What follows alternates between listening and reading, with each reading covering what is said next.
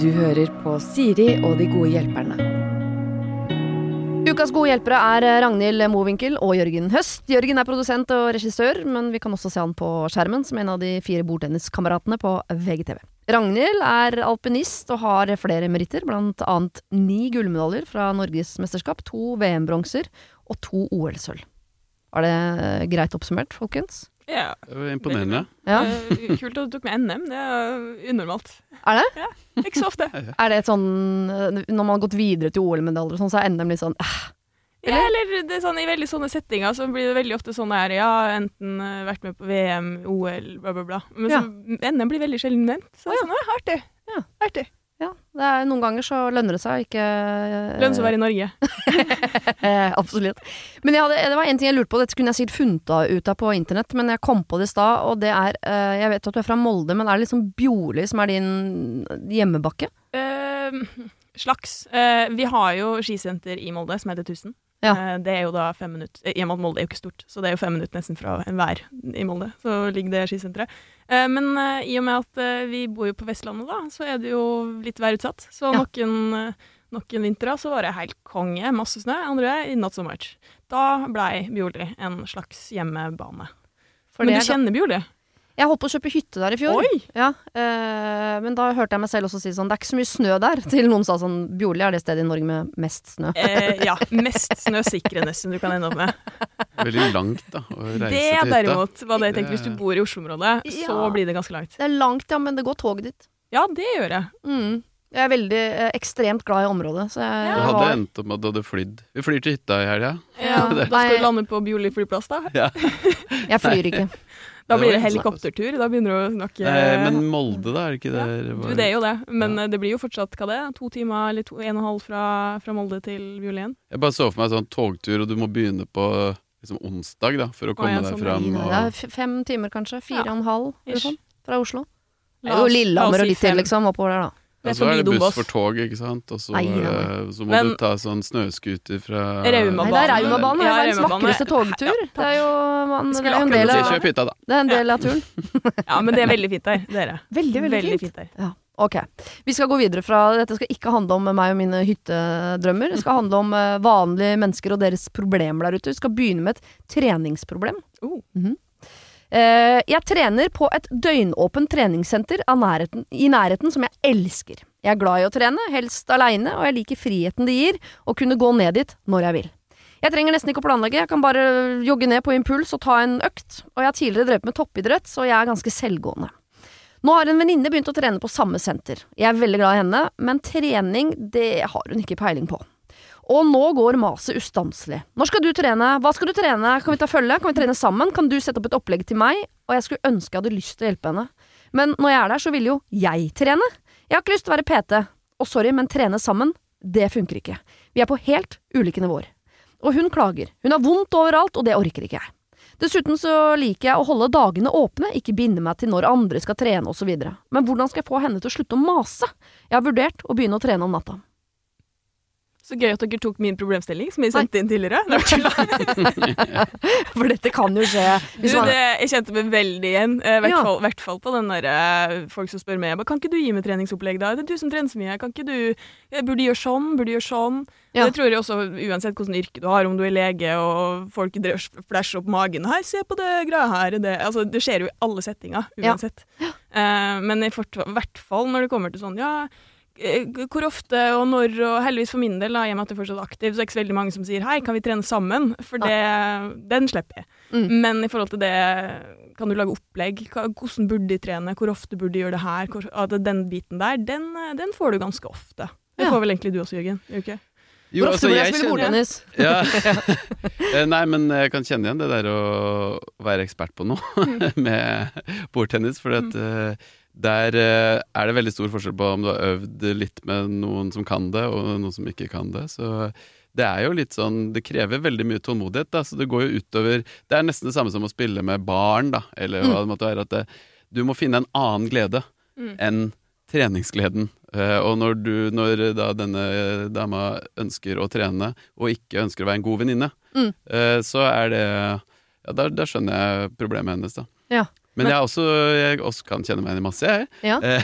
Jeg, jeg kan også kjenne meg igjen å være en treningspartner som har lyst til at den andre eh, Å trene med noen andre. Mm. Eh, fordi kjæresten min eh, er også tidligere Topp- og toppidrettsutøver og har akkurat det samme dilemmaet. Eh, orker ikke å trene med noen andre, og syns det er veldig idiotisk å dra på en løpetur sammen, f.eks. Mm. Og under koronaen så var jo det sånn det kunne, det For meg var det sånn, ja, men er ikke det hyggelig, da? Mm. Og det var bare sånn, nei, Nei, det skjer ikke. du løper for sakte, gutten min. Nei, bare det er et eller annet med å være toppidrettsutøver, toppidrettsutøver, tror jeg, som er helt sånn Du får helt sånne skyggelapper, og det er ikke noe sosialt. Ja, vi er en skada gjeng. Ja, Ja. rett og slett. Ja, Veldig, veldig skada. Ja, men jeg, trenger jeg tror ikke nødvendigvis man trenger å være toppidrettsutøver eller skada. For man er jo eh, som mennesker veldig forskjellig. Det er noen som liker å gjøre alt i flokk. Og så er det noen som eh, Jeg for eksempel, det er, jeg har veldig mange ting i livet mitt som jeg liker å gjøre helt alene. Mm. Og tanken på at noen skal komme inn i mitt aleneunivers, det er sånn Nei, nei, her er det fullt. Her er det bare plass til meg. Så du må gå bort. Vi kan drikke kaffe etterpå, men nå er det bare meg. Og jeg tipper at hun her, om det er fordi hun er skada, eller fordi hun er idrettsutøver, eller fordi hun bare er veldig sånn individualist på det med trening, det vet jeg ikke, men hun har lyst til å få sagt fra til venninnen sin. Jeg har ikke lyst til å trene sammen med deg. Mm. Men det, det, jeg tenkte på det når du sa det. Det må jo være lov å si det. Du er kjempeglad i det og alt det der, men eh, når jeg trener, så vil jeg helst trene alene. Ass. For det, Og det vet ikke forskjell, for nå har jeg bare nesten vært eh, individuell utøver. Men det også ser jeg på, for jeg gjør jo alt mer og mindre alene uansett. Eh, og så er det jo kjempeheldig fordi man er en del av et lag som er der, og vi trener jo sammen på sommeren og alt det der, men det er den derre når du skal gå på egen trening, Mm. da er det veldig stor forskjell fra på en måte rammene som er gitt. For rammene da er jo at uh, du skal være her alene og du skal trene. Ja. Mens hvis du er på opplegg der du vet at nå skal vi trene sammen med en mm, flokk, da, så Ja. er det jo greit. For da har du jo akseptert rammene. Ja, ja. Men litt ikke når du bare skal trene alene og nå skal jeg inn og gjøre jobben du har lyst til å gjøre. Det som er interessant, er hva er det som foregår inni hodet på en person som trener? Eh, fordi det handler jo litt om hva du kan måtte akseptere av eh, ytre motstand, holdt jeg på å si. Altså at du eh, Tenker du Liksom løser du egne eh, problemer i hverdagen mens du trener? Eh, hører du på noe som er liksom Det er da jeg får hørt på podkast, eller Eh, for min egen del så er det sånn Det foregår veldig lite i hodet mitt når jeg trener. Det er bare sånn, Og i hvert fall sånn kjedelig trening. Ball, da er, det, da er alt lek, og da syns jeg det er gøy å være sammen med folk. Og, Litt kjedelig å spille ball alene er kjedelig. Ja, veldig kjedelig. ja, ikke sant. Eh, men hvis du løper eller gjør Mm. kjedelige ting, opp og ned med vekter, så er det bare sånn jeg teller det. Jeg, det, det er Mm. bare sånn neste, Jeg tenker bare neste Ok, nå skal jeg løpe dit. Ja. Altså, det, er, det, er Det blir veldig enkelt. Veldig, ja. Altså det, hvis jeg skulle vært på et eh, treningssenter, så hadde jeg tenkt det hadde vært veldig godt å ha noen å prate med mens du gjør det.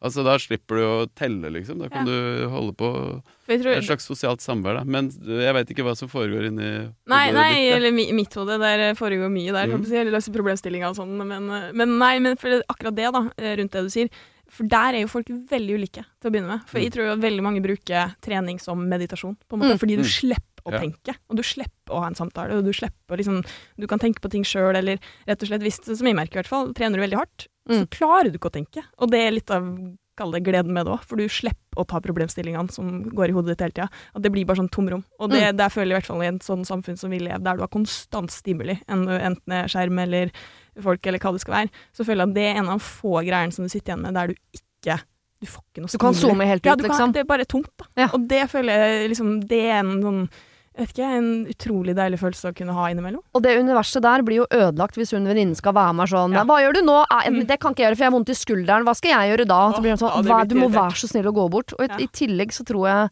eh, noe av problemet her er også, og det som jeg, som jeg kan skjønne, den å skulle involvere andre mennesker i planlegginga si. Det kan Mm. jo, den delen kan jeg sende meg igjen i. For jeg, sånn, Mm. jeg syns det er vanskelig å planlegge mitt liv sammen med min mann og mine to barn. Ja. Så når mutter'n kommer inn fra sidelinja og lurer på i Mm. forhold til ferieplaner og sånn, så blir jeg sånn! Jeg orker ikke Jeg, jeg sier fra når jeg vet. Jeg orker ikke flere liksom, mennesker som skal inn og involvere seg i dette her nå.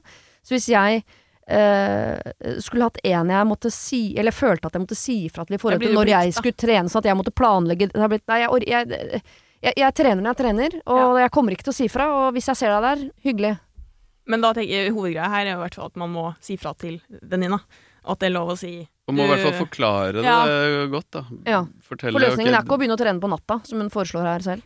det Det blir slitsomt for hun, i hvert fall. Det er hun som Ja. går tappende ut av den uh, situasjonen. Men hvordan sier hun det da, for at hun venninnen ikke skal bli lei seg? For husk at dette er antakelig en venninne som er veldig sånn som har lyst til å gjøre alt sammen, og det blir gøy, Mm. og gleder seg, og det er oss to, og Hun skal jo få en avvisning av venninnen sin her. Mitt første råd og forslag er i hvert fall du må jo kalle det bryte ned den forsvarsveggen i forhold til det å si det på en veldig ålreit måte. Og i hvert fall begynne med sånn Du, du veit at jeg holdt på å si er glad i deg og alt det der, men nå merker jeg at det, nå begynner det å faktisk irritere meg litt at jeg må ta over treningsprogrammet ditt når vi er trene. For det, Hæ? Irritere? Ja, ja, og da, da kommer forsvarsveggene igjen. Bra, ikke Kjempebra. bra. Ja. Eh, Men sånn, nei, men jeg, fortsatt er du kjempeglad i og liksom, du syns det er kjempegøy å stikke, stikke og drikke kaffe sammen og gjøre den biten, men bare akkurat når jeg trener, så er det min greie, og da har jeg veldig lyst til å gjøre den sjøl. Og det håper jeg du har forståelse for. Ja, men da har du ikke forklart det, Da har du ikke forklart Da har du bare sagt 'jeg har ikke lyst til å være, gjøre det med deg'. det er min også... greie. Så jeg tror i hvert fall på å bare forklare enda nærmere hvorfor, da. Mm. Hva, er det, hva er det du har oppi hodet som gjør at ikke en venninne kan forstyrre Det spørs jo veldig hvor nærme den venninna er, jeg, da. Som Jeg tror det er gode venninner. Ja, for det, det, det føler jeg at er du god venninne, så burde du ha forståelse for å si du, kompis, jeg må bare trene alene. Og så Ja. er det på en måte en forståelse i det, men det her virker jo som at det er litt lenger unna, der du faktisk begynner å tenke over hvordan den her venninna Altså, oi, jeg kan ikke si noe feil, eller oi, hun tar det på en viss måte hvis de sier det på det For da begynner du å ta antagelser, og antagelser er jo farlig. Ja. Jeg syns dere er veldig gode nå som, eh, som foreslår liksom den gode samtalen og forklaring og åpenhet og sånn. Det er svaret på alle spørsmål. Ja, Det er jo det, men det, er- det hender jo at det finnes noen rundkjøringer også i kommunikasjonen Ja. som gjør at man slipper unna den verste trafikken. Eh, hun kunne jo også til stadighet avbrutt avtaler om Ikke sant? At jeg har en avtale om å trene klokka fire. Sånn, sorry, jeg rekker ikke fire, jeg må trene klokka åtte. Eller sorry, jeg må trene nå, jeg er klokka tre, eh, for jeg skal noe annet klokka fem. Hvis hun til stadighet avbryter, så kan det hende at denne venninnen gir opp eh, det at de skal ha en sånn felles kalender på treninga. Men det blir jo egentlig litt det å ghoste bare i treningsrelasjonen, da. ja, er ikke det litt behagelig for begge, da? Ja, det Jeg er ikke mot Jeg er en dårlig på det. jeg. Pleier å være åpen og direkte. Og det er skaper jo mange men- problemer, da. Når, Ja, for at da blir det sånn mm. 'hæ, sa du irriterende?' Mm. Ja. Eh, og så, okay, så det blir liksom Det er kanskje ja, Finne en mellomløsning på hvordan du gjør det der generelt i livet, men i denne settinga så tror jeg det vil være veldig sånn gjentagende Ja. problem da for eh, hun som vil trene. At det, det er ikke bare én det er, ikke, det er ikke bare én gang dette kommer til å vedvare. Og bli sånn, Hun kommer jo til å forstå det hvis de er nære. Mm.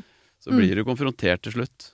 Ok, men Annet forslag. Hva om hun tar én time hvor hun virkelig sånn setter opp det opplegget som er litt irriterende, da, men hun, hun vier den, da, den ene timen på å sette opp et opplegg til venninnen sin. Mm. Sier hun sånn Dette her skal du trene nå i eh, de neste to månedene. Og så kan han forklare sånn Jeg vet ikke om jeg eh, klarer helt at vi alltid skal trene sammen, sånn, for jeg gjør det ofte på impuls. Jeg liker å bare kunne løpe ned, så jeg vet ikke helt og sånn. Jeg kan, og hvis vi ses der, kjempehyggelig, men det, dette er det programmet jeg vil at du skal trene nå i to måneder. Det er ikke det jeg trener, men Mm. dette tror jeg er bra for deg nå i to måneder. Eh, og så ses de innimellom på treninga. Da sier jeg hei og sånn, og så er det på med headset, og så trener hun sitt og hun Mm. At de både lager en sånn slags hyggelig hybrid, men Ja. ikke at de må avtale liksom, At de må inn i hverandres og synke kalender. Så skjønner du, Mm. Det orker man ikke. Ja. Eh, Veldig, veldig godt forslag. Det eneste der tror jeg blir sånn hvis du gir hånda, eller hvis du gir litt mat med hånda, så får du hele Ja. hånda blir spist opp etterpå. For når du da ses på treningssenteret bare, Du, den øvelsen igjen. Det, det opplevde jeg i hvert fall. Eh, Ja. At det er sånn, Den øvelsen som du snakka om, skal jeg fire den? Eller? Altså, akkurat som at jeg kan treningsprogrammet som jeg har lagd sjøl. Ja.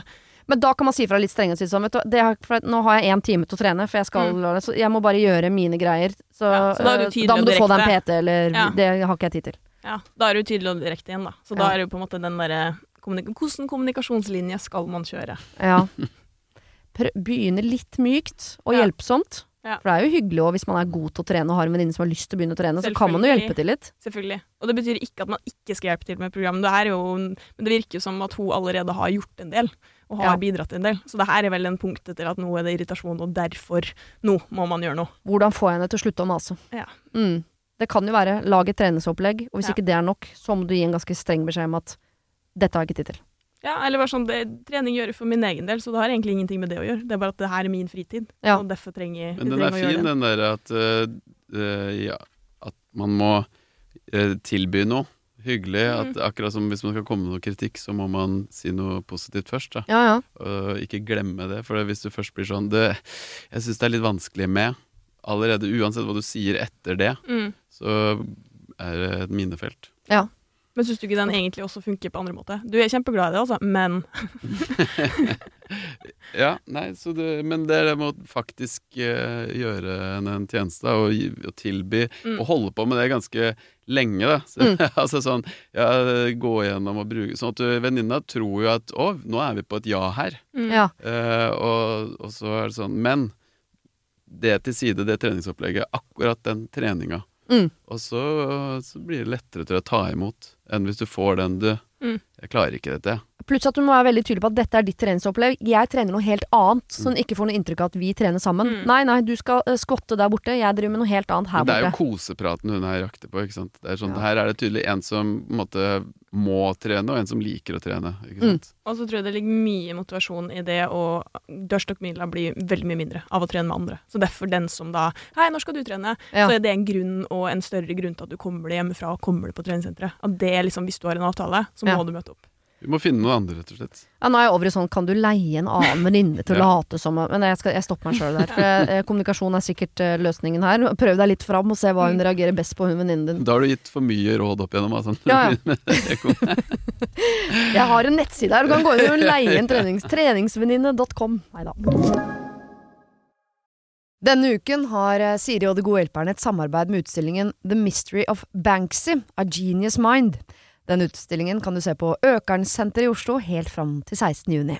Til eh, tross for at Banksy er verdens mest kjente gatekunstner, så er han samtidig også helt anonym. Det er ingen som vet hvem han er, og en av grunnene til det er at han er etterlyst for vandalisme. Kunsten hans er ikke på utstillingen, det er altså 200 reproduksjoner utført av andre gatekunstnere du kan se på Økernsenteret. Og siden han er så anonym og utilgjengelig, så er det også umulig å få en godkjenning av utstillingen av Banksy selv, men folka rundt Banksy, som kaller seg Pest Control, de gjør kontroller og sier ifra hvis det ikke er godkjent. Og det har de ikke gjort her, og utstillingen er derfor å anse som godkjent. Og jeg tenker at eh, Banksy høres ut som en litt sånn eh, kul fyr, selv om jeg vet jo ikke hvem han er, jeg bare ser hva han skaper.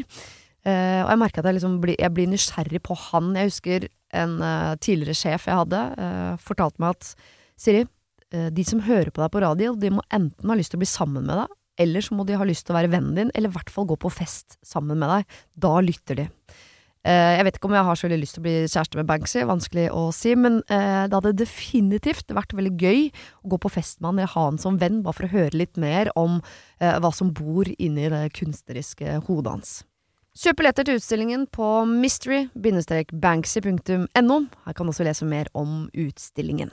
Bruk kodeordet Siri, velg tidsbestemte billetter på hjemmesiden, og få billetter til kun 250 kroner. Koden gjelder til og med 31. mars. Har du et problem og trenger hjelp, ja, så sender du det til meg. Da bruker du Siri, alfakrøll, radionorge.no. Nå virker det litt som om vi har lagt et opplegg her som er skreddersydd eh, til deg, eh, Ragnhild. Det har vi ikke, men neste problem handler faktisk om bryllup. Så det er veldig trening og bryllup, og det er eh, ja. Og neste er eh, fra Filippinene. Nei, det er ikke. Men vi skal over i et bryllupsproblem.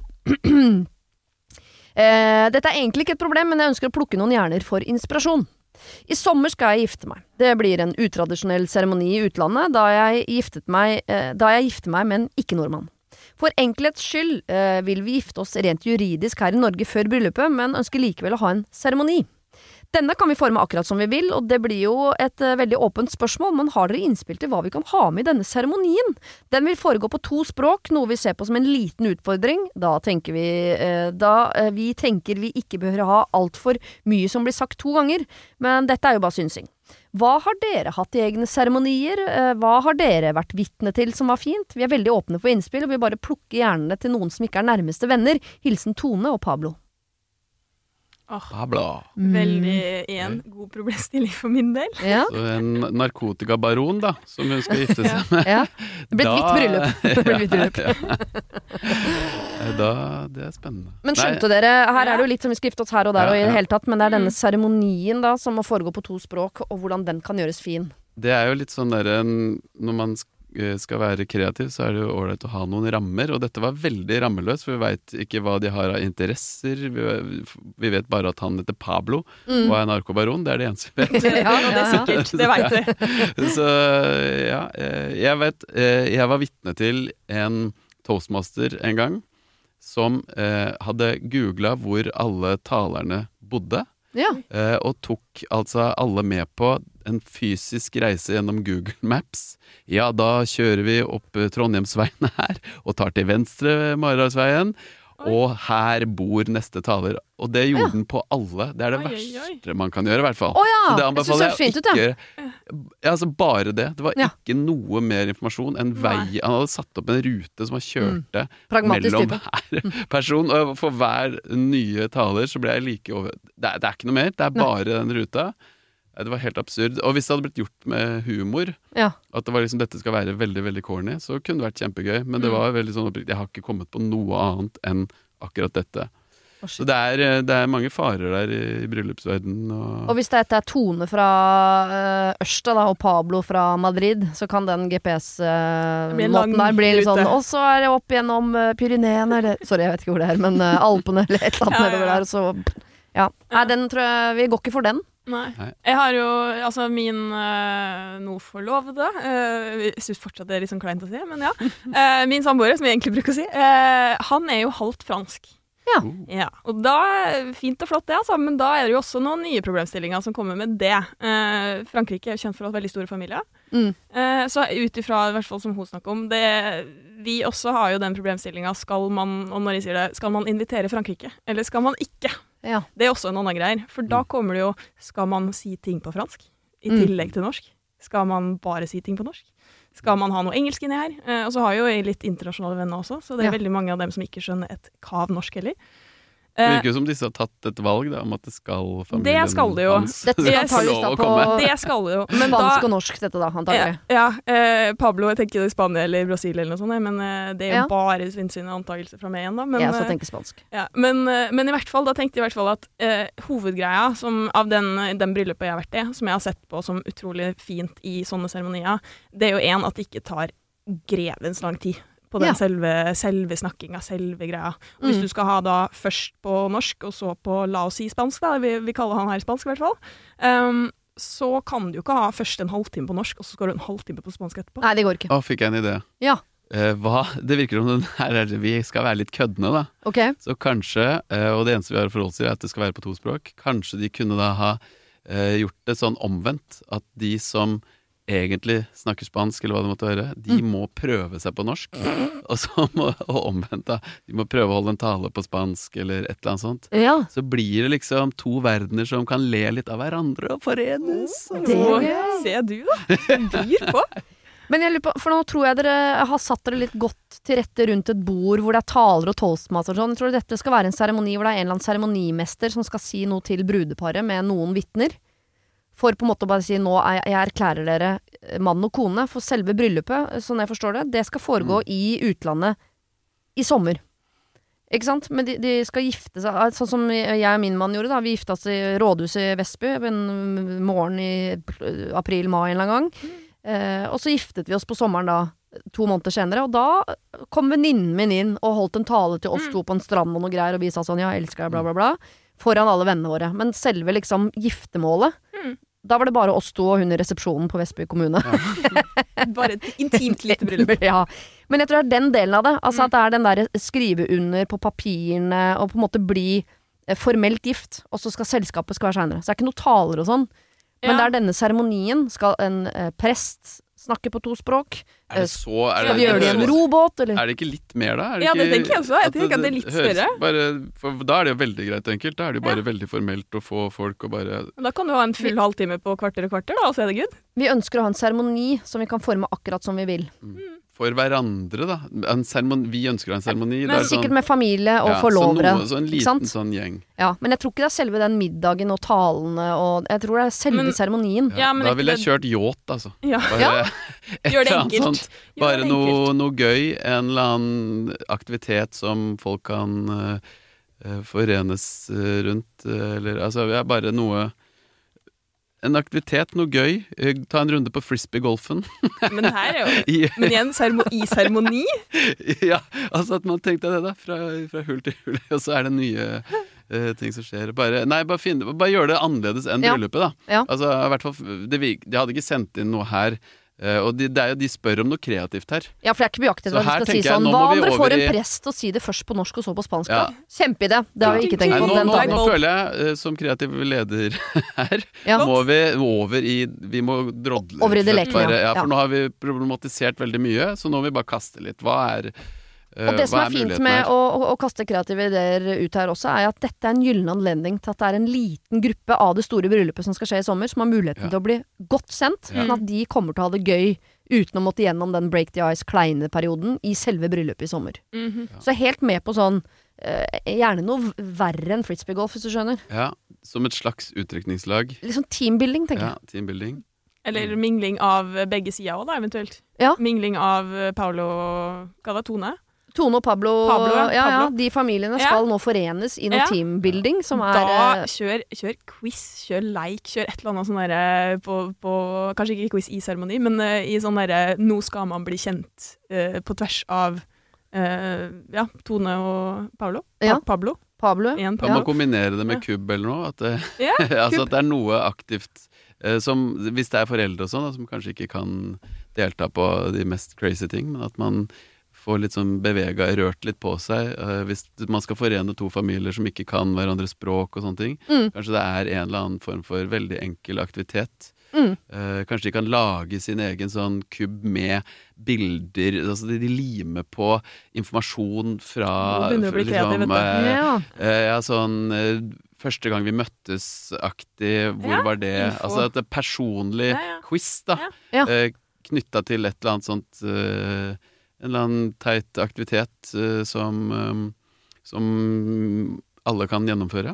Og så er det jo mulig her også å vise familien til Pablo litt av liksom det vakre Norge som De har antakeligvis mistet sønnen sin til Norge, på en måte. Han har forsvunnet nå inn og skal gifte seg i Norge og bli her. Eh, og kunne vise de Kanskje kan vise reisen på hvor de traff hverandre. At de begynner der. At de har en sånn byvandring. Er det i Oslo? Ta eh, kano fra Maridalsvannet og ned. Altså, er, ta liksom Ta de med på en reise gjennom dette har vært vårt forhold fram Ja. til i dag. Og det foregår litt sånn simultant norsk-spansk, litt sånn av og på, sånn at alle forstår. Men vi er ute og vandrer hele dagen og viser sånn Se her, her hadde vi vårt første kyss. Type ting. Men, jeg- Tror du ikke foreldrene syns det er helt nydelig, da? Jeg var med på et sånt Det var litt tilbake til GPS-ideen din, faktisk, som vi lovte hverandre å ikke bruke.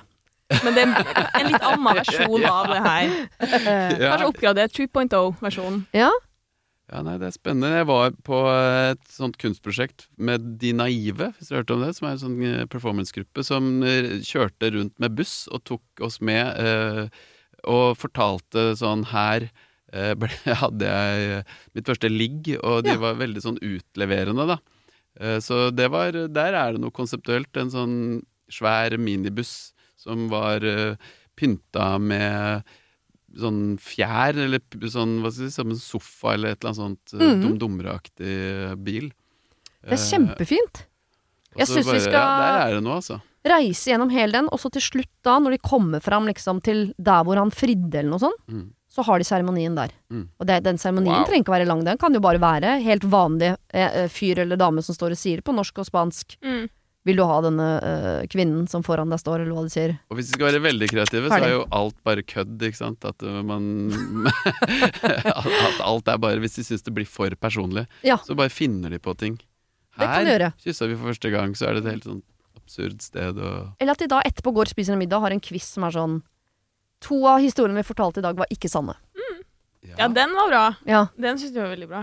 Men jeg, jeg sliter fortsatt litt med å skjønne liksom, ut ifra det problemstillinga her, så sliter jeg liksom bare I mitt hode, da, så blir det seremoni, er ikke den veldig sånn formell Eller sånn høyt liksom, For alt det man har snakka om nå, er også at man gjør ting utradisjonelt, eller Ja. liksom utafor. Ja. Du går jo via den i den ruta, da, halvveis i den ruta eller på slutten her, og så går du bare via rådhuset eller hvor de skal være, og så signerer de. Ja. Ja. For jeg har ikke vært i en, eh, jeg har ikke vært i en sånn type seremoni på et bryllup, i hvert fall. Så Nei, jeg har, ikke ikke peiling hva, hva man skal gjøre. Men i en sånn seremoni, jeg vet jo ikke om de vil gjøre dette kristent, men det må jo ikke ha med en prest. Man kan jo ha med en eller annen som har muligheten til å vie. Der kan man jo skaffe seg den rettigheten, så vidt jeg vet. Og som fungerer som en slags guide gjennom deres kjærlighetsreise, og som til slutt vier de. Mm. Og utleverer ringer og kysser og så og så, og så er vi på en måte Da er seremonien over. Jeg gleder meg til Tone skal presentere dette.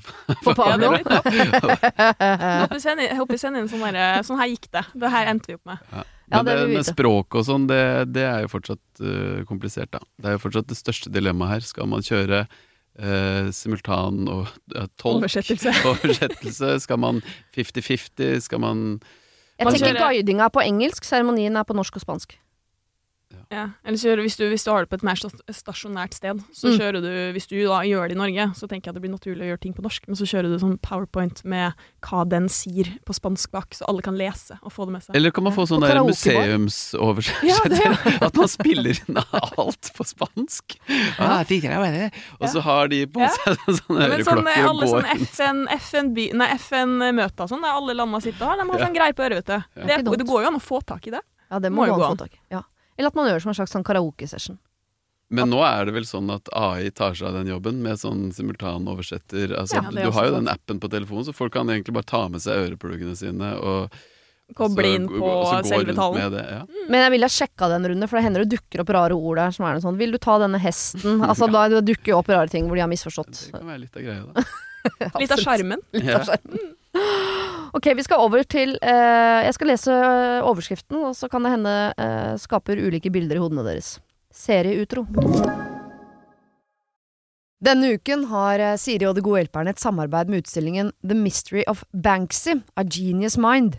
Den utstillingen kan du se på Økernsenteret i Oslo helt fram til 16. juni. Til eh, tross for at Banksy er verdens mest kjente gatekunstner, så er han samtidig også helt anonym. Det er ingen som vet hvem han er, og en av grunnene til det er at han er etterlyst for vandalisme.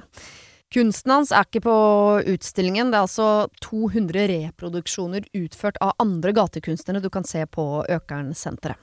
Og siden han er så anonym og utilgjengelig, så er det også umulig å få en godkjenning av utstillingen av Banksy selv, men folka rundt Banksy, som kaller seg Pest Control, de gjør kontroller og sier ifra hvis det ikke er godkjent. Og det har de ikke gjort her, og utstillingen er derfor å anse som godkjent. Og jeg tenker at eh, Banksy høres ut som en litt sånn eh, kul fyr, selv om jeg vet jo ikke hvem han er, jeg bare ser hva han skaper. Eh, og jeg merker at jeg, liksom blir, jeg blir nysgjerrig på han. Jeg husker en eh, tidligere sjef jeg hadde, eh, fortalte meg at Siri, eh, de som hører på deg på radio, de må enten ha lyst til å bli sammen med deg, eller så må de ha lyst til å være vennen din, eller i hvert fall gå på fest sammen med deg. Da lytter de. Jeg vet ikke om jeg har så veldig lyst til å bli kjæreste med Banksy, vanskelig å si, men det hadde definitivt vært veldig gøy å gå på fest med han eller ha han som venn, bare for å høre litt mer om hva som bor inni det kunstneriske hodet hans. Kjøp billetter til utstillingen på mystery-banksy.no. Her kan du også lese mer om utstillingen. Bruk kodeordet Siri, velg tidsbestemte billetter på hjemmesiden, og få billetter til kun 250 kroner. Koden gjelder til og med 31. mars. Har du et problem og trenger hjelp, ja, så sender du det til meg. Da bruker du Siri, alfakrøll, radionorge.no. Det kan være veldig alvorlig, ikke fullt så alvorlig. Kjære Siri og dine gode hjelpere. Jeg har et stort problem som utrolig nok plager meg grenseløst. Jeg og kjæresten har vært sammen i snart to år og har akkurat kjøpt oss leilighet sammen. For tiden jobber jeg borte i ukedagene, altså mandag til torsdag, og jeg jobber fra 07 om morgenen til 9 på kvelden. Kjæresten jobber vanlige dager, 07 til 15.30 eh, hjemme, men er for tiden sykemeldt. Når jeg kommer hjem i helgene, gleder jeg meg til å se på serier sammen. Men når vi legger oss på sofaen og skal sette øh, på en serie, har jævelen sett alle seriene vi ser sammen mens jeg var borte. Vi har veldig forskjellig smak når det kommer til serier, så de få seriene vi ser sammen, vil jeg helst at vi ser sammen! I starten av forholdet kunne jeg strekke meg til å se serier og filmer som han liker, men som jeg ikke er så stor fan av. Etter hvert skjønte jeg at jeg måtte slutte med dette, da han aldri ville se serier og filmer som jeg hadde lyst til å se. Jeg har, vært, øh, jeg har svært liten tid til å se serier i ukedagene da jeg jobber så lange dager, så det blir alltid en stor diskusjon når jeg kommer hjem. Hvorfor kan han ikke bare se seriene han liker når jeg er borte? Dette har jeg tatt opp mange ganger, men han fortsetter å være serieutro. Hva kan jeg gjøre, og hvordan skal jeg få han til å slutte med dette, eller må jeg bare bite tenna sammen og la han se hva han vil, og bare endre smak på serier på forhånd? Takk for hjelpen, Kalma Emma. Da ville jeg bare vært sånn tradisjonell utro tilbake. Men også i serier, ikke sant? ja, ja. ja. Ja, Dette er jo en litt sånn klisjéfull uh, eh, problemstilling, Ja. tenker jeg. Det er mange som har dette problemet. Jeg føler jeg har hørt det mange ganger før. Jeg tenkte på akkurat det samme sjøl hvis vi skulle ha med et dilemma. Det er jo sånn Ja. Det er jo klassisk eh, i parforhold. Mm. Hva, hva gjør man? Nei, det er jo en som bare må begynne å respektere den andre, rett og slett. da. Ja. Det er veldig, dette er veldig enkelt. Innrette seg. Ja, her er du bare døv kjæreste, rett og slett. Ja, Hvis, jeg er hvis du bare Nei, nå har jeg så tre episoder, ja. Det er sånn, ja, men da har vi ingenting, da. Nei. Spesielt hvis det er sånn at denne personen har flere serier som han liker, Mm. eh, som han kan se på. Helt Så enig. ja, i hvert fall i mitt forhold så er det jo veldig tydelig at nå kommer det den uh, gøye serien. Mm. Da sparer vi det. Mm. Og det når man er, hvis man er borte eller et eller annet, så uansett om det er kjempespennende, da samler du heller opp. Ja. Så denne her, er, her er det, handler bare om å være et ålreit menneske, rett og slett. Ok, du er sammen dust. Ja, ja, eller i hvert fall ha- han eh, høres ut som han trenger, han trenger sin opp, oppstramming på akkurat det der. Ja. Det er, liksom, det, det er små ting, det er små problemstillinger sånn sett, men det irriterer noe voldsomt etter hvert, og det skjønner jeg veldig, veldig godt. Ja. Så der treng, eh, i hvert fall for min del så blir jeg også sånn Jeg reiser jo mye, og vi har også noen serier vi ser sammen, som i samme problemstilling der. Men der er det mye å si på at uh, du ser ikke den serien før hjemme, altså. Det skjer ikke. Men du er borte i lange strekk, Ja. så det der er jo De samler jo opp, da. ikke sant? Ja. Da får du jo bare sånn, da kjører du sånn binging, da, og det er jo det beste etterpå, for da får du jo glede rett etter hverandre med en gang. Ja. Men uh, det, er, selvfølgelig, det har jo skjedd at uh, en av oss har endt opp med å se en serie, men da er det avklart. Det er sånn, Ja. Kan de se den før? Du spør, ja. Ja. Og andre veien, da. Det er ikke bare jeg som spør. Men, men også at vi har ulike serier som vi ser på. Som da kjører jeg, da prioriterer jeg dem, og så sparer jeg dem vi kan se sammen til Ja. vi faktisk er samla igjen. Jeg klarer ikke å ta dette hensynet på hjemmebane, må jeg innrømme. Oi. Hvis noe først er spennende, er så sånn da glemmer jeg tid, sted, rom. Jeg glemmer å lage middag, jeg glemmer at jeg er barn, glemmer at jeg er kjæreste. Da er det uh, Dexter faller pengene. Altså det, da, kjø, da kjører jeg på. Du klarer ikke å stoppe. Nei, jeg har ikke sjans, men Så det har dere ikke mannen min. ser to stykker sammen, og så bare Så durer jeg på. så er du hjemme en dag, og så har du sett fem episoder. Absolutt. Men samtidig så har jeg evnen til at jeg elsker å se ting to, tre, Oi. fire og fem ganger. Ja. Så da ser jeg det Det- om igjen med han. Oh, Ja. Og så det- sitter du sånn Se nå, se nå! Se nå. Åh, få med deg! Få med det her. Følg med nå, følg med nå. følg med nå Nei, det prøver jeg å la være. Men han er ikke noe bedre, min mann er ikke noe Mm. bedre, han ellers. Vi er serieutro mot hverandre. Men da er det jo en enhet i det. Ja. Og da er det jo ikke så mye, kall det, det er ikke så mye utro i det. Da Nei, føler jeg jeg har sagt fra hjemme om det. Ja. Helt klart. At eh, kan vi ikke For det, hun kan stikke av noen ganger. Mm. Da har jeg spurt helt sånn direkte. Vær så snill, kan vi ikke Vær så snill. Mm. Men det virker jo som om hun her har gjort det òg, da. Ja, og at han fortsetter ikke. og sånne ting. Så, men at han er en dust, som du sa, det er jo ikke det trenger ikke, Tenk hvis det er bare det. Han er helt perfekt, bortsett fra det. Da tenker jeg, da kan går det hun eh, ja. Ja. Noe, noe kan vi stå i. Ja, ja. Noe kan vi stå i. Men da tenker jeg at hun hadde nevnt det, for det er veldig ofte formuleringa når jeg får mail, så er det masse sånn 'Å, fantastisk å være ens beste, vi er sjelevenner og kan snakke om alt', eller. Men Og så kommer dette. Ja. Her er det rett på Kan hende man er veldig uh, konkret også anlagt, denne Emma. Eh, men jeg syns ikke serieutroskap er, er noe sånn uh, um, å gå fra grunn. Man går ikke fra typen? Hun kom, det er helg, man skal kose seg, og hvis han har da holdt på med dette her da, Mm. Jeg skjønner liksom ikke dynamikken her. For de, hvis de begge to har lyst til å se noe sammen, og Mm. de har mange forskjellige preferanser, så da blir det så uh, Så sier han nei, det, når jeg så tre episoder Altså, hva skjer da? Ja, og så finner de ikke noe, så det blir enten til at de ikke finner noe, eller må Ja. se noe av den andre. Så det skaper jo masse mer problemer i forholdet. Så blir Emma sur, tar opp mobilen, scroller på den, sier Ja. 'samme for meg, driter i det, bare sett på noe'. Men, så jeg tror de må bli enda tydeligere sånn Denne serien, Mm. den ser vi sammen, men de kan ikke ha tre-fire de ser sammen. Fordi han har sju dager i uka hvor du ikke er der, hvor han sitter og har ting Ja, han har lyst til å se. ikke han sykemeldt, da? Det er også Jo, han kan se på det TV hele dagen. Ja, det er stor forskjell, Ja. tenker jeg da. For hadde han hatt ting han måtte gå til, og sånn, så tror jeg lettere å liksom, Ja, men da kan ikke se den serien, da. da må, men når du sitter hjemme sjukmeldt av en eller annen grunn, uansett hva det er for noe, så kan det godt hende man har litt self-pity i tillegg. Mm. Og bare litt sånn ah, men nå skal jeg unne med det her. Og Ja. derfor bruse på videre. Altså, Ja. Han burde jo eh, ta rollen som sånn serieresearcher for Ja. paret. Eh, hvor han, uh, siden han har så mye tid til å se på Nå er det jo så uendelig mye der. Mm -hmm. uh, så det er masse ting man ikke har oppdaga som man burde like. Så at han sitter og ser tre og tre episoder og litt sånn, og så, så kan han dra en sånn Å nei, denne trodde jeg ikke du likte. Nei. Så kan han dra noen hvite løgner og litt sånn, men at han tar litt sånn Hun kan gi han et ansvar, da. Ja. Eller så må hun bare eh, logge ut av Netflix før hun drar. Ikke gi passord. Si sånn, sorry. Det, Du du, har ikke, du har ikke Netflix i ukedagene. Du får kose deg i hjel på HBO, men Netflix har du ikke. Ja, det, det er en løsning. Som en oppdragelse. Eller så må hun tvinge han til å se det om igjen. Ja, da må Ja. du faktisk se det om igjen. Ja, det, for, For det, dette det var syns vår jeg var en bedre, bedre løsning. holdt på å si.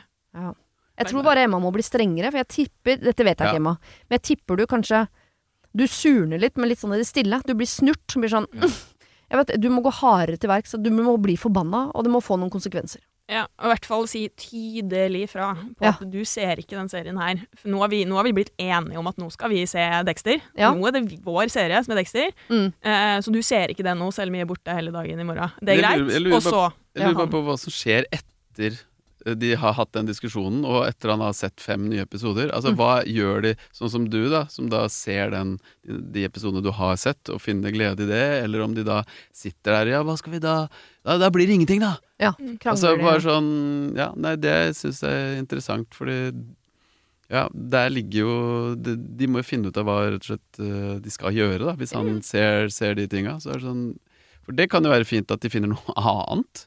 For Som de også kan gjøre sammen, ja. ja. Spille sånn Twister eller noe sånt. Danse teppet inn igjen. sånn romantisk eh, Ja, eller ja, Brettspill. sånn, ja, brettspill. Absolutt, dere må finne noe annet, men det jeg håper jeg dere gjør. At dere Ja. gjør noe annet enn å se på serier sammen. Ja. Men det er klart det er frustrerende. For det er sånn, du er- kommer hjem, du har jobba eh, veldig mange timer hver eneste dag hele uka, du har lyst til å slappe av med kjæresten din, Mm. og så setter han deg bare åh, nå blir det gøy å se episode tre av den der. Så er det sånn, å, den har jeg sett. Mm. Altså, da blir man jo Det- gæren, og da mener jeg han må se den om igjen, og i tillegg som straff. Så må han se en episode av en serie som du vet at han ikke liker i det hele tatt. Da er det Nei, det må kjøpslås, da. Ja. Det er i hvert fall det jeg har gjort. At det er sånn Jeg kan ofte sovne og sånn på sofaen når vi ser ting, så jeg, jeg kan begynne med dagen etter, så er det sånn Ja, jeg må jo se den halve siste delen. Og bare, øh. Ja. Så det er også Det kommer litt an på vanene her. Mm. Hvor dedikert er man til den seeringa? Uh, og da er det kanskje sånn at ok, vi blir enige om den ene serien, og så skal du få lov til å eh, Se gå alt du vil ellers. Ja, Ja. Ja. og, ja, litt sånn. Ja, jeg tror kanskje skal, at det er også lurt. Begynn én serie som er Mm. hellig for dere to. Ikke Ja. sånn to-tre, Ja. men én. For det kommer masse nytt framover. Ja, det gjør det. Det pøses jo på i alle retninger, med alle mulige tilbydere og Og så vil jeg bare si, hvis HBO, hvis dere hører på, kan dere skjerpe dere litt på uh, info, for dere har en del serier hvor ikke det står hvilken dag det kommer ny episode. Jeg gidder ikke å gå inn og lete etter det hver eneste dag. Har det kommet ny episode nå? Den må stå, gjerne i overskriften. Ny episode hver mandag. Og så se kanskje andre ting som ikke er så Altså sånn som du blir så dedikert til. Altså sånn Kompani Lauritzen eller et eller annet reality som, hvor du en, så, som er sånn Ja, jeg så de siste to, Ja. og så begynner du på nytt. Så ja, det er ikke så farlig. Det er fortsatt liksom Jeg kobler meg på her. Ja. Ja. Noe som du ikke Ja. Og så kan dere også se helt sånn løsthengende dokumentarer, for eksempel. Som er sånn Den dokumentaren der, den skal vi se til helgen. Det gleder jeg meg til. ja. Film burde man se mer av, Ja. faktisk. Ja, fort ferdig, Eh, Sånn, det pleier jeg å si til meg sjøl, ja. for at det er litt sånn Bare få se en historie fra A til Å. Ja, Ja. det har en start, og det har en Ja. slutt. Som ikke er over ti timer med binging. Ikke sant. Jeg så Mother i går med Jennifer Lopez. Holder seg godt. Holder seg godt. Altså dama, ikke nødvendigvis sjangeren. Ok, vi går videre til noe litt tyngre. Mm. Orker dere? Vi er klar. -hmm. Kjør. Jeg har vært i et forhold en god stund nå, vi er trygge sammen, eh, vil det samme for framtiden og gir hverandre ganske stor frihet. For litt siden var typen på guttetur til England for å se fotballkamp. De var en gjeng som dro, og jeg skjønte både før og da de var der at det var en eneste lang fyllekule. Jeg skjønner ikke helt at de orker, men har ellers null problemer med akkurat det. Men så i går fikk jeg forklaring på uh, hvordan det går. De har nemlig tatt kokain på kvelden for å holde festen gående. Jeg er ikke egentlig så firkanta på rus, men har eh, ingen i min nære krets som driver med det, trodde jeg. Og det er eh, noe han har begynt med nå, etter at det har kommet noen nye venner inn i gjengen deres. Jeg mener jo helt prinsipielt at vi er voksne mennesker som gjør det vi selv ønsker, men nå snakker vi om å flytte sammen, og jeg vil ikke ha kokain i leiligheten vår. Hvilke krav kan jeg stille? Kan jeg si at jeg ikke ønsker at han skal ta det med seg hjem? At han ikke skal ta det når vi har planer dagen etterpå? Hvordan snakker vi om dette uten at jeg tar bort den friheten vi jo har i forholdet vårt? Kall meg Andrea. Oi. Her tror jeg jeg bare ikke skal si noe, for her er jeg ekstremt lite tolerant. Så alt jeg sier blir nesten bare dumt. Jeg trodde at eh, du skulle si at han hadde begynt etter at det ble så mye fokus på kokainbruk i media. Ja. at det er sånn, mm, Han er veldig lett påvirkelig. Ja. Ja. Nei, denne her er eh, Den er eh, tyngre, ja. Uh, Ja, ikke så veldig mye. Jeg føler meg litt sånn som det, da, Siri. At jeg har, har veldig lite toleranse for rusmidler, sånn sett. Men eh, i hvert fall hvis det har med at det kommer inn nye personer som er den som drar det inn i. Så det vil si at utgangspunktet var at han ikke holdt på med det her før, før nye be bekjentskaper. Så blir det også litt sånn OK, hvor bra er den bekjentskapen her? Eh, er det folk du er nødt til å henge med hele tida? Vet ikke. Det, det er vanskelig å bli sånn der voksen for, eller sånn foreldre for kjæresten din også. Det er jo farlig. Men ja, akkurat sånne narkotikagreier, så blir jeg veldig litt kald med tradisjonell og setter meg på bakbeina. Nei, Ja. men dette er jo et kjempe Dette kommer ikke til å gå bra, tenker jeg. Nei. Dessverre. Det er jo Jeg kjenner til eh, folk som har eh, hatt samme dilemma, hvor eh, eh, hvis man ikke Hvis man måtte akseptere nulltoleranse, så er jo det ofte besvares med at man skjuler noe. Mm. Uh, og så er det ikke lett å skjule det over tid, eller da, da, da, liksom det er en tikkende bombe som ligger der. Mm. Uh, så det er jo Her er det jo i hvert fall en uh, konfrontasjon da, og en god samtale Mm. som kanskje ikke trenger å løses umiddelbart, men at man i hvert fall er veldig, veldig åpen om dette her, og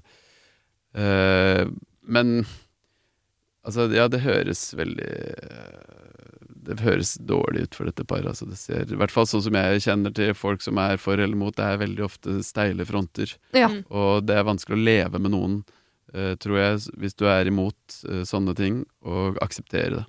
Jeg tenker jo det er en forskjell på narkotika her òg, da. Det er jo en, det er et vidt spekter i det, men driver du med kokain av det Det er over på den sterke Så er sida. det. det, Og Ja. da begynner vi å snakke om du starter i det fine og det små, og så blir det mer og mer og mer, og til slutt så har du jo veldig mye problem med, med det. Tenker jeg, da. Også men tror la oss si det, det ikke blir mer og mer og mer, da. For la oss si det er Men dette hører, det er akkurat begynt med. Det er er jo sånn, synsing og mening igjen, da. Vet, vet eh, hun det? At det, er, det er det han har forklart? At det er akkurat begynt å teste det pga. de nye vennene? Og ja. det er veldig spennende å komme liksom akkurat inn i den startfasen der. At det ikke er sånn Jeg har en type som har eh, Som driver med dette innimellom. Mm. Men det er sånn Dette har bare skjedd et par ganger. Det høres ikke helt troverdig ut. Eller det spørs jo hvor unge de er, da. Ja, for jeg, blir, jeg, jeg tror øh, Hvis jeg hadde vært Andreas, så kunne jeg blitt veldig sånn skuffet over hvor lett påvirkelig man er i voksen alder. At jeg kunne skjønt sånn ja, i voksne? ungdomstida, så kunne jeg skjønt Mm. sånn alle gjorde det, jeg klarte ikke å stå imot. Sånn, det er Mm. skuffende, men du er en voksen mann. Du må klare på en måte å, å, å ha Hvis du har noen prinsipper, så må du klare å stå for dem, selv om du har fått deg to nye kompiser som visstnok driver med et eller annet som jeg ikke trodde du drev med. Det hadde jeg vært ekstremt skuffet over. Karakterbrudd. Mm. Eh, eh, Massivt karakterbrudd. Men jeg tenker det hun er redd for, er også sånn jeg, jeg vil ikke innskrenke den friheten vi har. Men det er en fin ting i et forhold at man har frihet til at man Og tillit. ja, og tillit. Ja. Men jeg tror den er litt sånn ødelagt nå uansett, fordi nå kommer hun til å være skeptisk når han skal på guttetur, når han er ute med gutta, så kommer hun Det kommer til å komme snikende inn i dette forholdet her, at Andrea blir mer og mer skeptisk til hva typen egentlig driver med når han er der ute med gutta. Mm. Eh, så jeg tror at selv om hun ønsker i det lengste å, å holde liksom den friheten sånn som den var, det, er helt, det tror jeg kommer til å gå dårlig. Så For å holde ut hele natta altså Det er jo et eller annet veldig sånn barnslig med å Ja. skulle liksom makse så sinnssykt. Jeg vet ikke hvor gamle de er, men det høres veldig slitsomt ut. Og skulle liksom makse Men én helg i ny og ne, jeg vet ikke. Det må i hvert fall prate om det, og øh, Ja, selv om Altså lage noen regler, da. Hvis hun ikke er veldig sånn steilt, hvis hun ikke er sånn kjemperedd for det, og tar hans ord for at det er eksperimentelt. Jeg har hørt om folk som øh, driver med MDMA på den samme måten. Det, det er liksom litt sånn Ja, du burde prøve det, og det er kjempefint, og det er en reise i deg sjøl, og det, det er ikke noe som du blir avhengig av. Og hvis det er et sånt type forhold den personen har til kokain, da Det er jo ikke kanskje like ofte at man har et sånt forhold til det. Det blir mer sånn del av en festegreie eh, som man gjentar eh, mer og mer og mer og mer. Mm. Men um, ja, nei, bare uh, Siden det er i, i startfasen, da, så, og hvis man ikke er steilt på det Enten må man si 'jeg er 100 jeg liker det ikke, dette må du forholde deg til', eh, og så må man finne ja, Da kommer den skjuleproblematikken igjen, da. Men virker Men, hun eh, ikke ganske steilt imot dette her når hun sier at 'jeg vil ikke ha det i Det skal ikke finnes i min leilighet'? Da tenker jeg da er man ganske motstander. Mm. Men hun sier jo også at uh, hun er ikke så hard på Hva hun sa innledende der. At det er ikke så hard på det med noen rusmidler, eller hva det var for noe. Ja, sånn- eh, Da blir det jo mer altså, Hvis du har det i leiligheten din, da betyr det Ja. at du går i innkjøp av det, eller er det sånn på Ja, da må egne du forholde deg til det, da, for det er hjemme i ditt hjem. Ja, og det er litt sånn Det er forskjell om du er borte eller hjemme. Jeg er ikke egentlig så firkanta Ja, på rus. det det. Men jeg mener jo prinsipielt at vi er voksne mennesker som gjør det vi øh, Nå skal vi flytte sammen. Jeg vil ikke ha Mm. kokain i vår leilighet. Mm. Og tenker jeg istedenfor Jeg tror Andrea er litt for opptatt av den derre Å, en del av vår kjærlighetsgreie er at vi er så innmari åpne og frie, og alle får lov til hva de vil, og det er ingen liksom Mm. det, Er det ikke bedre å sette foten hardt ned på Det der tolererer ikke jeg. Mm. Og så kan man allikevel klare å vise at men den friheten vi hadde, den er der. Men da var jeg ikke klar over at kokain var en Mm. del av buffeen, på en måte. Eh, For hvis kommet- kokain er en del av buffeen vår, da kan vi ikke ha den friheten. Fordi det har jeg eh, store prinsipper mot. Så hvis det er noe du skal drive med, så går det ikke. Som det for det er sånn Å ha det i sitt hjem, det er jo én ting. Men det er jo kanskje ikke det aller største problemet her. Altså, eh, Han får ikke lov å ta det, eller hun vil ikke at han skal ta det hvis de har planer dagen etterpå. Det ville hun ikke sagt om alkohol, eksempel. det går jo utover hun da, på en måte. Hvis han, gjør, hvis han drar, hjem. Det er veldig hjem. greit da, hvis han- bruker det for å holde seg gående hele natta. Så er det sånn, jeg er hjemme klokka seks om morgenen, og så ja, men vi skal jo til foreldra mine klokka ti. Ja. Men det blir sånn veldig Jeg syns jeg hører en Andrea her som er i ferd med å bli voksen, og som egentlig er imot. Hun bare har ikke lyst til å være en sånn som er imot. Hun har lyst til å være en som sier Ja. sånn ja, ja, vi er frie og gjør som vi vil. Mm. Men kan, du kan jo fortsatt ha den, for jeg føler det, det kommer jo med liksom ansvar og tillit og den biten der. At du er veldig sånn Ja, ja, men jeg stoler på deg veldig, og hva enn du velger å gjøre med din tid der borte, Mm. kjør på, vær så god. For det, det du er ditt menneske og din egen person. Men hvis du skal begynne å dra de tinga inn i vårt hjem, Ja. da setter de ned foten, på en måte. Der går grensa for meg. Og det Ja. høres ut som det har funnet seg en grense.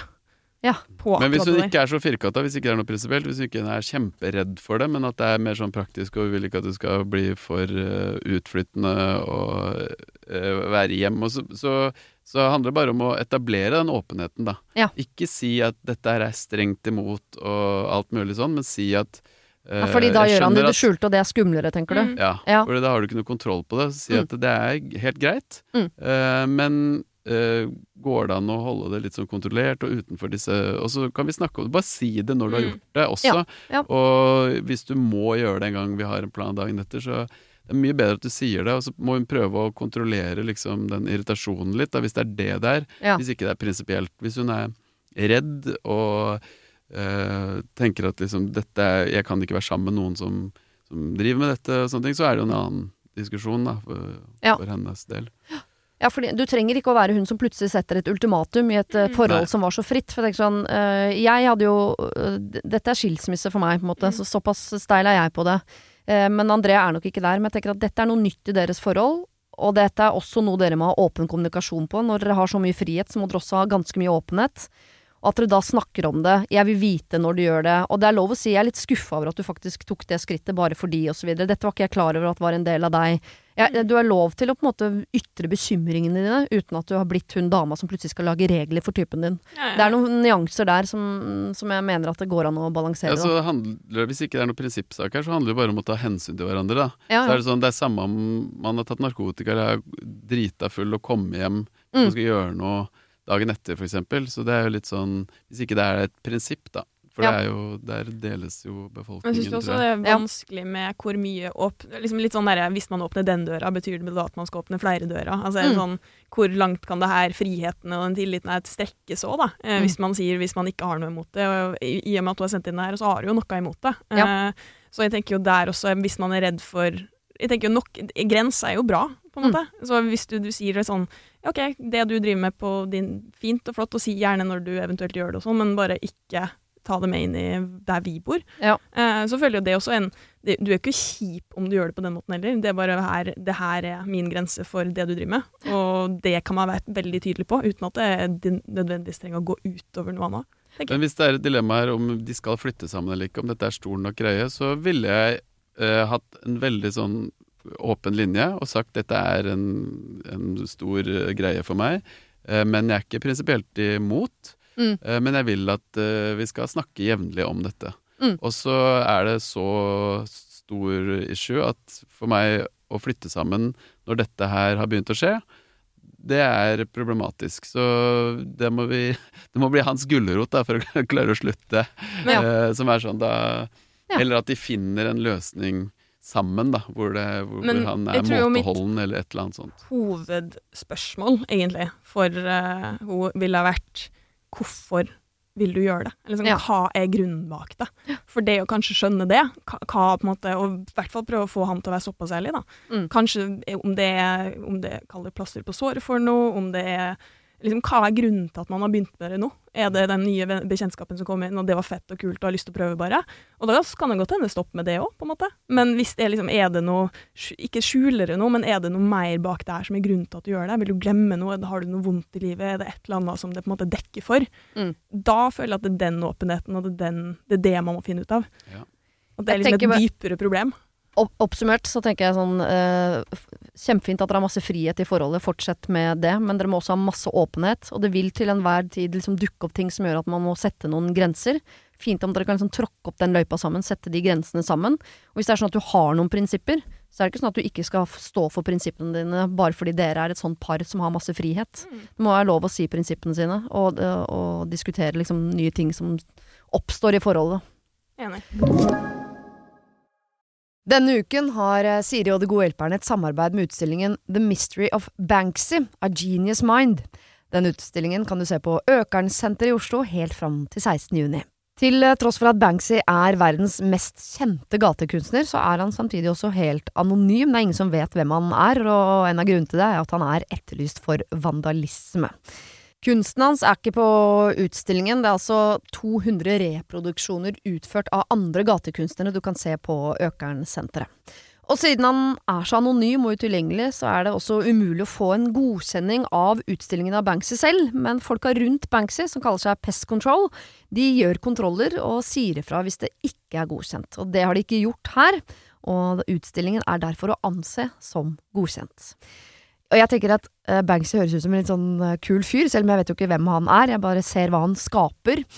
Eh, og jeg merker at jeg liksom blir, jeg blir nysgjerrig på han. Jeg husker en tidligere sjef jeg hadde, fortalte meg at Siri, de som hører på deg på radio, de må enten ha lyst til å bli sammen med deg, eller så må de ha lyst til å være vennen din, eller i hvert fall gå på fest sammen med deg. Da lytter de.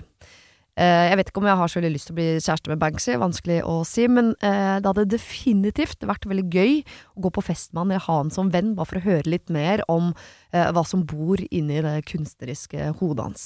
Kjøp billetter til utstillingen på mystery-banksy.no. Her kan du også lese mer om utstillingen. Bruk kodeordet Siri, velg tidsbestemte billetter på hjemmesiden, og få billetter til kun 250 kroner. Koden gjelder til og med 31. mars. Har du et problem og trenger hjelp, ja, så sender du det til meg. Da bruker du Siri, alfakrøll, radionorge.no. Ok, vi skal til et uh, innsendt problem hvor det er to som sender inn sammen. Det er et uh, Jeg holdt på å si par, men det er på en måte ikke det heller. ok, jeg tar fra toppen, ja. Jeg og min mann har kjøpt tur til Hellas i sommer. Det er oss med våre to barn og et vennepar og deres to barn. Altså perfekt rigg, egentlig. Vi har reist mye sammen før og stortrives med det. Dessuten er vi veldig heldige som får låne et hus av en i familien vår. Så ferien, som for de fleste ville vært helt sinnssykt dyr, er for eh, oss ikke så ille. Men, og det er et stort men, min mann og jeg har bestemt oss for å gå fra hverandre. Ingen stor dramatikk, men det kommer til å bli forandringer for alle. Vi har ikke sagt noe til barna enda, og vi har heller ikke sagt noe til vennene våre. Det er mye å tenke på, det er mange valg å ta, og heldigvis samarbeider vi godt, men vi blir ikke enige om denne ferien. Skal vi dra? Jeg mener det kan fungere, min mann er usikker. I så fall mener han at vi skal vente til etter ferien med å si noe til noen. Han mener det blir kleint og rart for alle at vi er der sammen uten å være sammen. Jeg mener at de kommer til å takle det helt fint. Det er ingen av oss som har lyst til å avlyse ferien, for da ødelegger, vi jo deres ferie også. Og de har ikke råd til å booke en ny ferie nå, og det er rart om de skulle dra ned i dette huset uten oss. Jeg mener at vi skal si det som det er, og så kan de velge hva de vil, og få, og få tid til å fordøye det hele. Hva tenker dere? Hilsen Pål og Marianne. Wow. Den eh, Det er to Den hensyn her. Det er Ja. venneparet, og så er det barna. Og så, ja. Ja. Mm. Det verste som fins, er jo å være på ferie med noen som krangler og Altså, den ferien vil ikke jeg være med på. Nei. Så det er litt sånn Det kommer litt an på hvor de er i denne skilsmissen og, Og hvor hvordan de har det med hverandre. ja. Det lurer jeg også på. Hvor nærme er det venneparet? Er det sånn at det blir kleint å si, og da veit ikke dem, det andre venneparet hvordan det her skal gå, eller Men det er jo er det barna her Virker som et Ja. vennepar, de er mye sammen, da. Ja, det er jo barna, deres egne barn. Mm. Jeg tenker som man må sette det hensynet er størst. Og det er et kjempedilemma Mm. i skilsmisser om hvor, når og hvor lenge skal man holde på det. Og, uh, man blir jo fortalt at alt skal være veldig Altså jo mer som er planlagt, og jo fortere ting går og sånn, er det beste for barna. Eh, mens å bare skape masse usikkerhet veldig tidlig og, og sånn, det, det er ikke anbefalt. Men det går jo Barn de tar jo inn alle signalene som er i hjemmet, så på et eller annet tidspunkt så merker jo de at det er noe annerledes, noe gærent. Og så å finne den riktige timinga er vanskelig, og da også dra på en ferie hvis de, Ja, det er ikke så lenge til sommeren nå, hvis det er Nei. helt ferskt, eh, så Ja, det, de må finne ut av hvordan, hvordan barna deres vil oppleve det.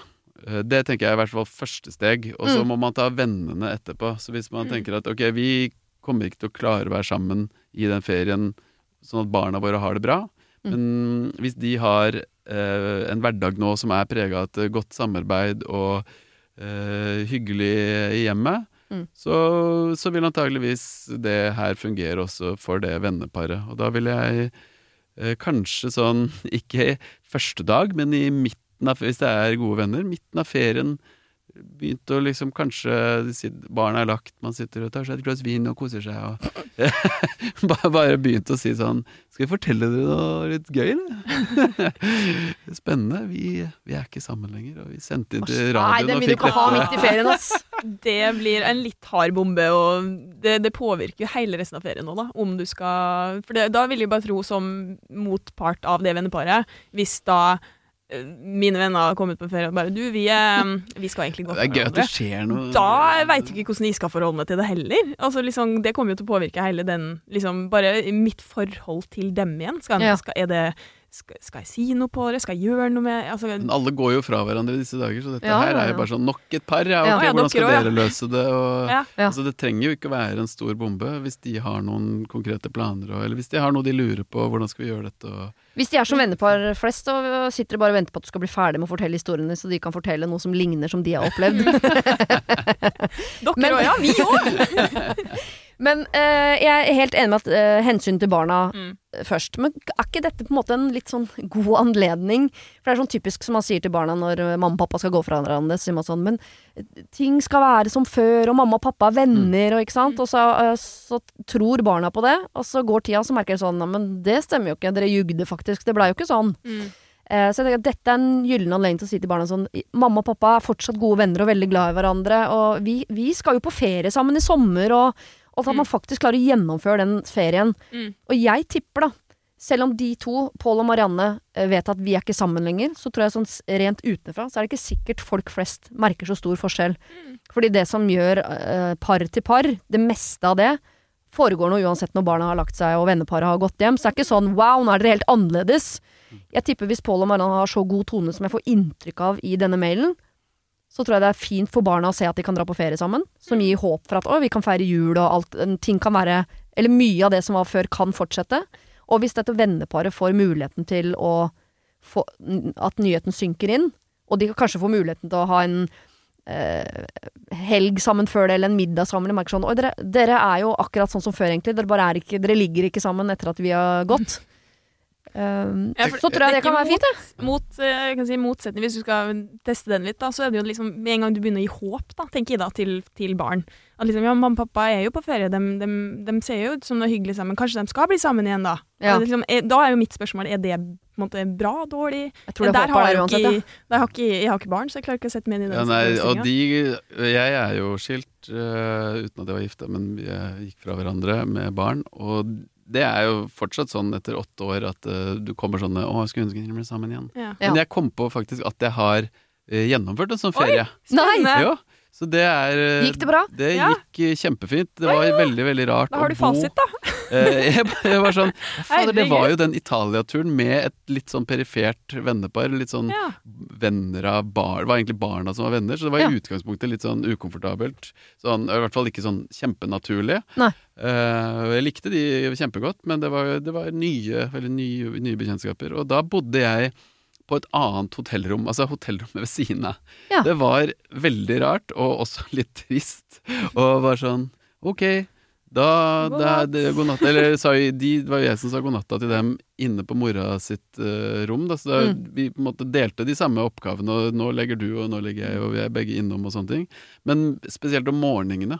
For da våkner jo de tidlig, og da, da går det jo Det er veldig deilig å slippe den der aller første å bli vekka med en gang. Mm. Men Men fot i fjeset og ja. grøt i øret. Ja. Men det er også noe av det beste som fins, ikke sant. Så, Ja. at det er, så der, eh, der kommer det til å bli et Men- lite sånn problem for en av dem, oftest far, da, som måtte ikke tar den da det kommer litt unge disse barna. Men da var det først og fremst trist for deg. Det tenker jeg, Den må man ta som Den forelder. ta. Så hvis barna tenker Ja. sånn Topp ferie, mamma var der, pappa var Ja. der. Det var noe rart på Pappa var ikke der på Ja. ja ja, men det var vel Altså, gøy, da. de Vi fikk hadde jo ikke vært masse i Syden, og det var bare sånn basseng og Mm. dritfett, og de storkoste seg, og Så man tenker egentlig ikke på det som barn. Da er det bare oh, is hver dag og Ja, og liksom tror- så lenge mamma og pappa er der. Så så er lenge ting topp. er ok, Ja. eh, og så lenge man ikke krangler og holder på, så, så tåler barn det meste, vet du.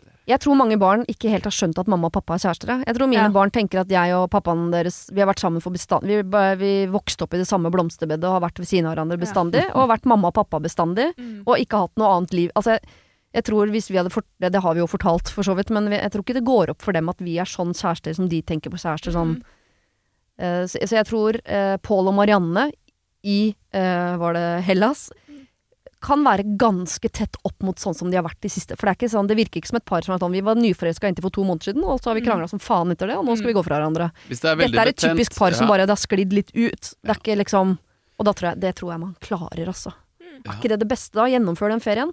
Jo, og så Ja, er så det, er så skal man skal, si du, ja, ja. skal du si det, eller skal du ikke si det da før den ferien? Du kommer til å si det i den ferien, og jeg som vennepar, jeg ville hatt den beskjeden før jeg dro, ikke sånn over et glass sangria på onsdagen der. Da hadde jeg blitt sånn Oi, det kunne dere sagt fra om. Da er det jo Noen ganger så har man jo sånn der eh, Vi skal på en sånn vennetur. Vi har en sånn eh, fest før reisen-tur hvor vi skal planlegge litt og sånn. Ja.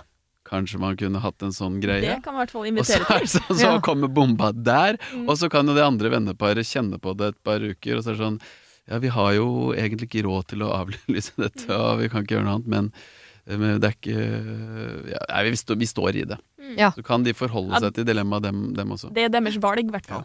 Ja. Det tenker jeg nå er viktig, å ikke ta valget på deres vegne. Ja, og da tenker jeg de skal si fra så fort som mulig, egentlig. Selv om Ja. barna må jo få vite det først. Ja. Eh, eller kanskje Kanskje ikke. igjen, Nei, det er ikke sikkert de må det, det- men ja. En måte, en, de har tatt avgjørelsen på at nå blir det ikke oss lenger, for så vidt. Og ja. igjen, om det liksom, er det da noe man skal ta med, kall det den voksne først. Mm. Eh, og klare seg gjennom den turen, og så si det Ja, til ja, de har, ikke sant? De har ikke så, ja, det er mange greier her. Så Ja. de må jo ta sitt valg etter uh, hvor de er i, i den løypa sjøl, da, med barna. Så hvis de ikke aner, uh, har ikke funnet ut av hvem skal bo hvor, og hva skal skje, og alt dette her, så, så burde man kanskje utsette å si det til altså, Det er ikke noen grunn Hvis det oppstår sånn Nei, vi skal ikke sove på samme rom, vi.